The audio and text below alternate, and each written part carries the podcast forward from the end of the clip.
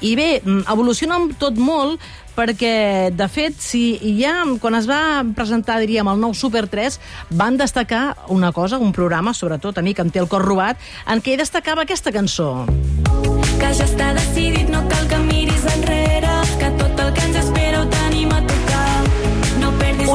cançó on es van fer un munt de TikToks amb coreografia. Els Beta és un programa que es fa al Super 3, Beta Univers Màgic. Ara és el primer videojoc de la Corporació Catalana de Mitjans Audiovisuals fet amb Jazz Music. La Laia Cervera és el cap de Departament d'Infantils de TV3. Hola, Laia, què tal?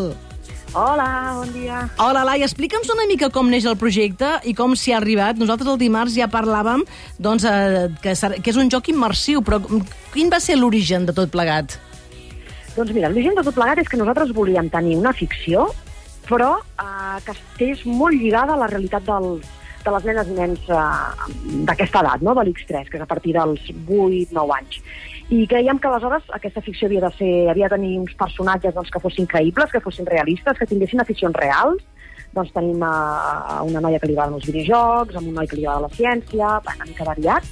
I alhora creiem que havíem de fer doncs, uns joves que s'expressessin a les xarxes i que alhora doncs, juguessin, doncs, per exemple, a Roblox, com ho fan també molts nens i nenes. Mm, clar, perquè l'altre dia amb el Roc Massaguer remarcàvem no, que Roblox és una plataforma però no és de, dels nens més petits infantils, sinó que és ja a partir dels 8 anys, que és el públic el que va al, al beta, no?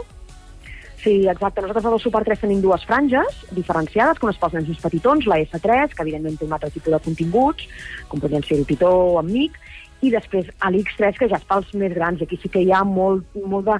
Ja no només que hi hagi diferents vies de difusió, com puguin ser els videojocs o les xarxes socials, sinó que també hi ha un llenguatge totalment diferent, una comunicació molt més horitzontal, i creiem que aquí tenia gràcia no? tenir aquesta ficció, però que imbrinca molt directament amb la realitat, perquè el, el nen que està mirant doncs, la ficció des de casa veurà doncs, que la CAI s'ha inventat un videojoc i resulta que aquest videojoc és real i pot jugar ell. Que xulo. I creiem que té, que té molta màgia. És allò del dins i el fora, eh? Jo crec que és un dels programes més transmèdia que este- que s'estan fent ara, no? Perquè té també un podcast, el Beta Podcast, o sigui, té una mica de tot. Escolta, suposo que és molt important, Laia, eh, que s'hagi fet que sigui un producte propi de la Corporació Catalana de Mitjans Audiovisuals, no? Ja des de la seva creació. Sí, totalment, perquè nosaltres creiem que hem d'estar, hem de ser presents a tots aquells llocs eh, que dèiem, no? les xarxes, el TikTok, el Roblox, on els nanos hi són, però hem d'oferir un contingut de qualitat, editorialment conceptualitzat doncs, amb tota la coherència doncs, que acostuma a caracteritzar doncs, el contingut del Super 3, perquè creiem això, que és important que en aquests espais on ells hi són, i això no ho podrem evitar, ni tampoc ho hem d'evitar, evidentment, però que com a mínim hi trobin un contingut de qualitat i que, eh, bueno, que, que puguem estar, estar tranquils. Si Com ens, com ens l'hem d'imaginar visualment? En què consisteix el joc? Què han de fer els jugadors? Doncs mira, la gràcia, una de les particularitats d'aquest joc de Roblox té una estètica molt Roblox, no sé si, si bueno, suposo que sí que coneixeu, és una estètica molt marcada i això, però potser la característica principal en aquest cas és que està molt basat en la tradició, la cultura i la llengua catalanes, que per nosaltres era molt important fer aquest pas en el metavers, que potser no, no trobem excessius referents ni en el metavers ni en Roblox de la nostra cultura i creiem sí. que aquest pas és imprescindible doncs, per fer això. No? I trobem doncs, elements arquitectònics de, que ens fan referència a Gaudí, trobem unes criaturetes que ja les, hem- ja les veiem a la ficció, que tenen aquest punt de màgia, no? La ficció deien que era molt realista, però hi ha un punt de màgia que eren aquestes criaturetes que estan basades en la mitologia catalana i recuperem doncs, eh, personatges mitològics un pèl oblidats de la nostra tradició. Hi ha aquesta barreja entre modernitat i universalitat, però alhora eh, doncs això, tradició i cultura catalana. Ai, em fan gràcia els noms, eh? Fumera, Marfantos, Pat Patusca, Víbria...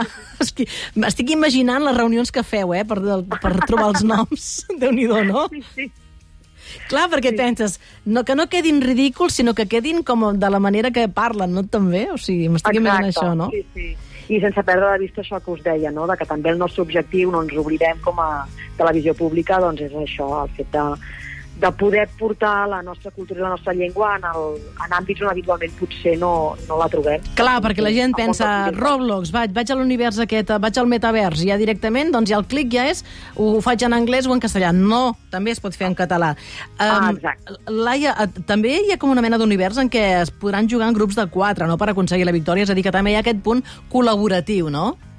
Sí, de fet, mira, nosaltres la- l'estrena grossa la fem aquest diumenge dintre del, del context del Mobile World Congress, el Family Day, que és el dia Sí. més de famílies i de, i de joves, i precisament l'encetem això, amb una game party doncs, eh, encapçalada per als quatre heretes per fer una game party això, doncs, popular, on tothom pugui, pugui participar i jugar aquesta primera partida comuna, com si diguéssim. Home, podríem dir que, que clar, um, els quatre components de beta fan la primera experiència a Catalunya d'una ficció infantil que traspassa la pantalla i s'endinsa en el món immersiu i virtual de Roblox. Doncs podeu apuntar això aquest diumenge al Teatre Lliure de Montjuïc a Barcelona amb la Mobile World Capital, doncs amb aquests dies, els uh, Family Days.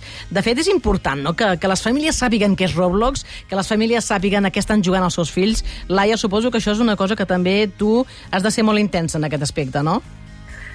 Sí, perquè és el que dèiem. Donar l'esquena a una realitat no és positiu, perquè igualment ens hi posem com ens hi posem i aniran a parar. I aleshores el que hem de fer, que això ja ho hem fet nosaltres, per exemple, en la nostra proposta de videojoc, és mirar que sigui el màxim segur possible i el màxim pedagògic possible sense treure l'entreteniment, sobretot, que això també és molt important, perquè si no som atractius no ens comprarà ningú, eh? Mhm. Comprarà en el sentit de que no els agradarà el, el producte. Mm, ah, Uh, per exemple, nosaltres en el cas de Roblox tenim capades algunes de les funcions per assegurar que aquest context és absolutament segur i que no tenim cap intrusió no desitjada de cap tipus. clar, és important això, eh? Saber que està tot ja certificat i que és, que és un entorn segur. Um, portem ja cinc mesos d'aquesta nova etapa. Um, mira, dèiem com el, el company que ha passat moltes vegades pel Pobable, Àlex Hinojo, deia ara que ja fa uns mesos puc confirmar que el nou Super 3 ha canviat l'ecosistema de continguts de la canalla a casa. Abans l'aplicació de TV3 era l'opció residual, ara és el primer que trien a la tele. O sigui, això ja diu molt no? de, de, del que està passant a les cases i el programa Random anirà a Taipei seleccionat els input, un dels aparadors de l'audiovisual més importants del món. Uh, quin balanç en fas tu, Laia, així, per acabar? A veure, acabem d'arrencar i com qualsevol projecte necessitem temps. Això no paro de repetir-ho. Jo sempre dic la família del Super 3, que va acabar omplint estadis olímpics, es va passar un any i mig amb zeros d'audiència. Dit això, dit aquest preàmbul, estranyament està funcionant tot molt bé. A nivell d'audiències tant digital, que s'ha multiplicat un 80%, com lineal, en què, per exemple, amb la- amb la- amb l'horari de tarda, que és el nostre prime time, perquè és quan els nens surten als col·les, som primers, en quant a televisions infantils, entre l'audiència de 4 a 12, i tenim grans xifres, doncs això, amb Beta, amb Random, amb Titó, que és tot un fenomen, no? que no n'hem Mhm. parlat, però déu nhi el Sí. fenomen Titó. Uh, grans clàssics com el Mic, la Mà de Contes, tot està funcionant molt i molt bé, les, uh, els animes. L'altre dia va sortir al tema la notícia de que la Federació Catalana de Vòlei ha comunicat que arran doncs, de l'efecte Haikyuu, que és un dels animes que hem estat uh, que hem portat a, a, amb l'arrencada del nou Super 3, doncs em sembla que s'ha multiplicat, ara no recordo la xifra exacta, però que hi ha un, Per tant, perfecte. gairebé uns 200 equips nous de vòlei de tot Catalunya arran d'aquest d'aquest fenomen. Doncs una, una mica l'objectiu és aquest, no només és fer contingut audiovisual, sinó impactar socialment i que jo sempre dic no, que quan els, les nenes i nens treguin el, el ninotet per jugar, Genial. a, a, que aquest ninotet parli en català, no? I, Genial. Laia Cervera, moltes gràcies, cap del Departament d'Infantils de TV3.